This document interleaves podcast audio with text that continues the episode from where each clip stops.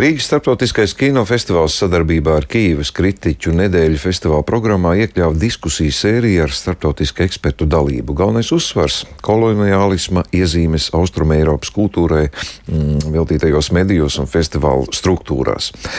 Par koloniālismu kinotelpā un tam veltītajos medijos tiek runāts arvien biežāk, īpaši šogad sāsinoties Krievijas militārajai agresijai Ukrainā un pamazām izgaismojot ne tikai Ukraiņu kultūras kolonizēšanu, bet arī Austrum Eiropas kultūras telpas sasaisti ar Krievijas federāciju, iepriekš Padomju Savienību.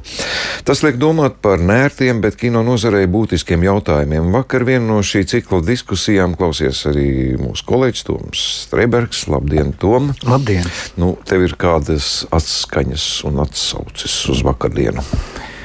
Jā, pirmkārt, es gribētu um, iezīmēt to, ka man, manuprāt, ļoti vērtīgi, ka Rīgas starptautiskais kinofestivāls izvēlējās sadarbībā ar Gētas institūtu arī un um, Eiropas um, padomes mēdīja. Tātad audiovizuālās atbalsta struktūras radošā Eiropa palīdzību veidot šādu diskusiju ciklu.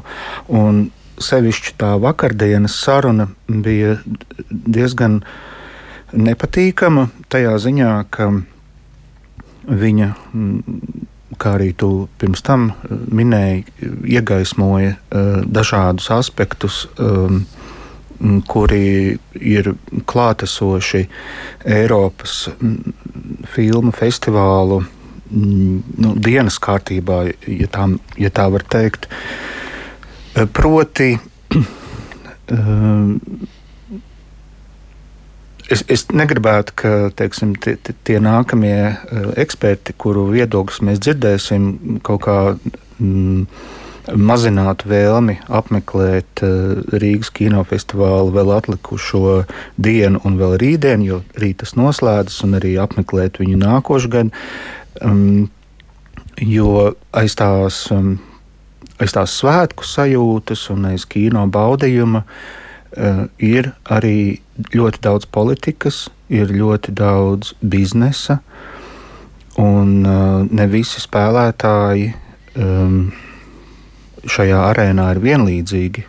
Kaut gan mēs redzam arī tagad, uh, uh vismaz Rīgas pilsētvidē, ir ļoti mm, daudz uh, nu, tādu tā kā reklāmas uh, plakātu, kuri um, akcentē Eiropas Savienības nozīmīgumu to, ka mēs eh, vēl ar vienu esam šī lielākā eh, politiskā, eh, politiskā ziņā apvienība pasaulē.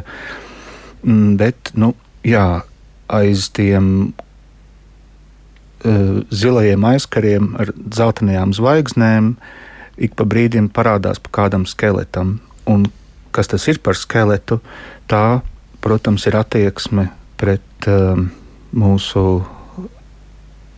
es nevaru teikt lielo, jo viņš varbūt teritori, teritoriāli ir liels, bet uh, nu, morālā ziņā nu, galīgi nelielo kaimiņu. Un, uh, diemžēl šo attieksmi mm, balsta uh, finansiāls intereses, tas parādās arī uh, kinofestivālu kontekstā. Uh, Sarunas um, devīze bija rietu, rietumnieciskošana un austrumu Eiropas kino. Un tā, tas, tas termins rietumnieciskošana, jeb angļuiski westernization, nozīmē um, tiecību uz rietumu um, pasauli, iekļaušanos uh, rietumu, rietumu valstu kontekstā, arī Mm, ar to domājot gan, gan izglītību, un, protams, arī nu, sociālo politisku labklājību. Un šo diskusiju vadīja Berlīnes uh, filmu festivāla programmu atlases uh, kuratore, uh, arī Humbolta Universitātes pētniece Barbara Vurma Un mēs tagad varam paklausīties, kā viņi skaidro šo rietumnieciskošanas fenomenu. By westernization, what we really mean here is Europe, so Tad, kad mēs runājam par rietumnieciskošanu, mēs galvenokārt domājam par rietumu Eiropas kino industriju. Jā, varētu paķert klāt arī Toronto filmu festivālu, varbūt kādu no Ziemeļamerikas festivāliem. Tomēr šīs diskusijas kontekstā mēs vairāk domājam un runājam par Rietumu Eiropu. Kā šis reģions noslīpē kino veidotāju pašapziņu, kādu novērtējumu sniedz tas, ka tā vai cita filma ir pamanīta un iekļauta, sacīsim, Kannu, Venēcijas vai Berlīnas kinofestivālā. Karlo Vivari, nu, tas vairs īsti nav tas. Lai arī tas ir viens no visvecākajiem kinofestivāliem pasaulē, viņam bija tā sakot jāpārsēžas aizmuguras sēdeklī, tad, kad savu bramanīgo vērienu sāka prezentēt Maskavas starptautiskais kinofestivāls. Tā bija arī oficiāla nostāja no starptautiskās festivālu komitejas - dot lielāku prožektoru gaismu uz vienu no tolaik vēl augstā kara dalībniekiem, uz lielvalsti. Tas nozīmēja Karlovi Vāri noslīdēšanu uz B klases festivālu. Diemžēl mēs vēl aizvien dzīvojam ar šīs vēsturiskās atpakaļrāpulības sekām. Tās ir grūti uztaustāmas, tomēr ir pamatā filmu veidotāju nedrošībai, nepārliecinātībai. Un ne jau tikai filmu ražotāju, bet arī festivālu līmenī. Ar šīm sekām daudzi profesionāļi cīnās vēl ar vienu - 20, īstenībā pat 30 gadus pēc augstā kara beigām. Ļoti dramatiski. Jā, jā.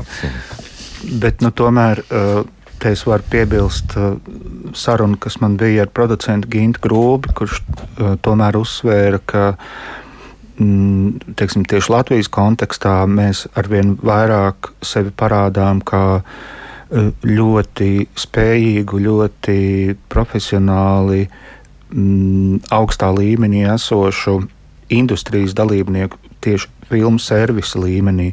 Kaut vai mums ir arī labs piemērs eh, šis seriāls Sisī, kas tika filmēts gan Viļņā, gan arī gan arī pie mums. Tur tika iesaistīti ļoti daudz uh, tieši nu, šī servisa um, profesionāļu. Bet tas, ko Barbara Vorma minēja par šo te, mm, tādu tā iekšējo nedrošību, um, droši vien, ka ar to var saskarties tajā brīdī, kad kaut kādi labu Eh, produktu centieni nokļūt eh, nu, kaut kādās augstākās kategorijās eh, saskars ar nu, neatsaucību no teiksim, tādu A, pavisam A klases festivālu attieksmi. Un par to iekšējo kultūras nedrošību arī tūdaļ mēs varēsim dzirdēt no Lorenza Boisa, kurš ir britu kultūras žurnālists, kinokritiķis, un šobrīd viņš dzīvo Tallinā. Un, lūk, viņa viedoklis. Sometimes the national cinema would be more validated if it was accepted outside of the country. Nereti mēdz gadīties tā, ka nacionālais kino tiek vairāk novērtēts tad, ja tas tiek izrādīts ārpus konkrētās valsts robežām. Šeit jāņem vērā festivālu un to programmu dažādība, bet neskatoties uz to, filma iegūst lielāku vērtību, ja tā tiek izrādīta citur, ne tikai valstī, kurā tā uzņemta. Nemaz nerunājot par to, ja konkrētais darbs parādās ne tikai festivālā, bet tiek iekļauts arī kinoteātru regulārajā repertuārā. Interesantākais šeit ir tas, ka nacionālās publikas vērtējums par pašas filmas kā mākslas darba kvalitāti nemaz nav svarīgs. Svarīgākā ir šī veiksmīgā eksporta sajūta. Piemēram, pirms dažiem gadiem Igaunijas un Gruzijas kopražojums Mandarīni tika nominēts Oskara balvai kategorijā labākā ārzemju filma. Ja Lielbritānijas, Vācijas vai Francijas filma nokļūst šajā nominantu listē, tā vienkārši ir kārtējā diena filmu industrijas pasaulē. Taču šis Igauņu panākums viņa nokļūšana nominācijai bija dienas lielākā ziņa. Tas kaut ko nozīmēja, un šī ziņa bija nevis par pašas filmas kvalitāti, bet par nominācijas faktu. Nedomāju, ka šis fenomens būtu kaut kas bīstams, bet tas tomēr norāda uz zināmu iekšējo kultūras nedrošību. Again, this sort of slight cultural insecurity, as I call it, again, personal opinion with how I saw it. Nu, lūk, jā, tā tad cik uh, paradoxāli reizēm ir, ir šīs situācijas, kurā m, tiešām nevis filmas uh, sūtība vai, vai, vai tā mākslinieckā kvalitāte ir kā būtiskākais, bet drīzāk kaut kādi m, šie te mazo valstu sasniegumi, nu, tā, tā mazā alpīnista nokļūšana vi, tuvāk virsotnei. Nu, protams, ka tas ir ļoti uh, ilga uh, procesa jautājums un uh, iespējams vienīgais risinājums, kā teiksim, šos alpīnistus tajā virsotnē pulcināt ar vien vairāk un vairāk, ir tikai un vienīgi kontaktu meklēšana, esošo kontaktu nostiprināšana, domājot par filmu studijām, producentu pieredzē.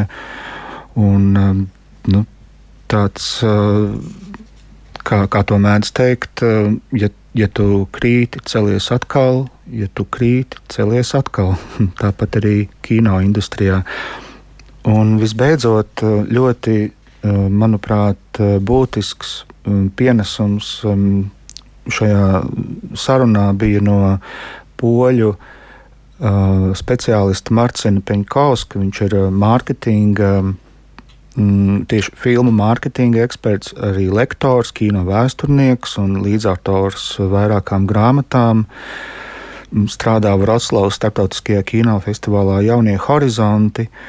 Un mm, tas, ko es iepriekš pieminēju par to skeletu aiz tā zili, eh, dzeltena zvaigžņotā aizkara, eh, Marcins Peņkovskis ļoti precīzi to noraksturo savā komentārā. You know, in Poland there is Runājot par Poliju, es droši varu apgalvot, ka nav neviena festivāla, kurš kaut ar mazāko domu apsvērtu savā programmā iekļaut kādu filmu no Krievijas. Un ko mēs redzam tam iepratī? Kannu kinofestivāls savā pirmajā darbības dienā šogad izrāda Kirila Serebrņiko filmu Čaikovska sieva. Pie tam galvenajā konkursa programmā un ar pieciem seansiem divu dienu laikā. Salīdzinājumam, lieliskās amerikāņu režisoras Kellijas Reinhardas filmai Parādot sevi ar Mišelu Viljamsu galvenajā lomā bija tikai divi seansi. Toties viens no tiem bija tik tālu no festivāla centra, ka uz turieni varēja nokļūt tikai ar autobusu. Toties Serebreņikovu izrādīja tieši pašā galvenajā festivāla zālē. Jā, protams, programmā bija iekļauts arī ukraiņu filmas. Režisora Dmitro Suhalitkija Sobčuka drāma Pamfīrs un Maksima Nakoņečnie Tauriņa redze. Taču būsim atklāti, tā bija tāda kā sānjoslas sajūta. Jā, tauriņa redze bija iekļauta festivāla oficiālajā atlases programmā, īpašais skatiens, bet nu, tā tomēr nav galvenā konkursa programma. Nākamais piemērs - Šveice, Lokarno festivāls un Aleksandrs Sokūrovs. Arī galvenā konkursa programma. Līdzīgi scenāriji norisinās arī mazākos festivālos, un te jāņem vērā ļoti būtisks aspekts, jo tālāk tu kaut kur dodies, geogrāfiskā ziņā, jo vieglāk tev ir būt neitrālam. Vēl viens piemērs. Nesen piedalījos žūrijā kādā Portugāles kinofestivālā. Fantastiski skaistā vietā, ļoti gādīga un rūpīga attieksme, un atkal tas pats. Krievijas filma galvenajā konkursa programmā. Es saņēmos un pajautāju programmas sastādītājiem, kāpēc. Viņi atbildēja. Ai, nu, ziniet, viena no mūsu programmas kuratoriem ir no Krievijas, un mēs negribējām viņu apbēdināt. Bet, draugi, tas taču nav nekāds attaisnojums. Secinājums, protams, ir ļoti vienkāršs. Dažādas pasaules daļas nozīmē dažādas perspektīvas. Iespējams, ka viens no galvenajiem risinājumiem būtu izmainīt festivāla darbības mehānismus. Kad kā filmu izplatītājs dodos uz Berlīnas un Kannu filmu tirgiem, kur ir paši lielākie un svarīgākie, es allaši satieku vairākus, nu jau var teikt, ilgadējus draugus un kolēģus no Ungārijas, Čehijas un Lietuvas. Un vienā no pēdējām tikšanās reizēm es runāju ar filmu izplatītāju no Lietuvas, un viņš man stāstīja, ka ir te jau neiespējami iegādāties Eiropas un Āzijas filmas no lielākajiem aģentiem, kur ir aptuveni seši. Precizējot, ir neiespējami iegādāties izrādīšanas tiesības tieši Lietuvai vai Baltijas valstīm, jo šie aģenti vispirms tās pārdod Krievijai un citām tai pietuvinātajām valstīm, un tikai pēc tam šīs tiesības ir iespējams pārpirkt. Viņiem tā ir vienkāršāk, jo nav tik liela krāpšanās ar papīriem. Es ļoti vēlētos, lai šis mehānisms mainītos, un varu tikai vēlreiz atkārtot, ka esmu ļoti vīlies tajās izvēlēs, kuras izdara nozīmīgākie Eiropas kinofestivāli un arī filmu tirgi saistībā ar šo organizāciju labvēlību pret Krieviju. Šajā ziņā mainījies nav te jau nekas. Sales agents also, because not too much changed, to be honest. Nu, drūmi. Viela pārdomām. Viela pārdomām. Bet, jebkurā gadījumā, es tiešām mudinu mūsu klausītājus, ja nu ir uh, kāda, kāda laika, kāds laika jonīts pieejams, tiešām izmantojiet vēl iespēju šodien un rīt apmeklēt Rīgas starptautisko kinofestivālu, jo uh, cilvēki ir pacentušies.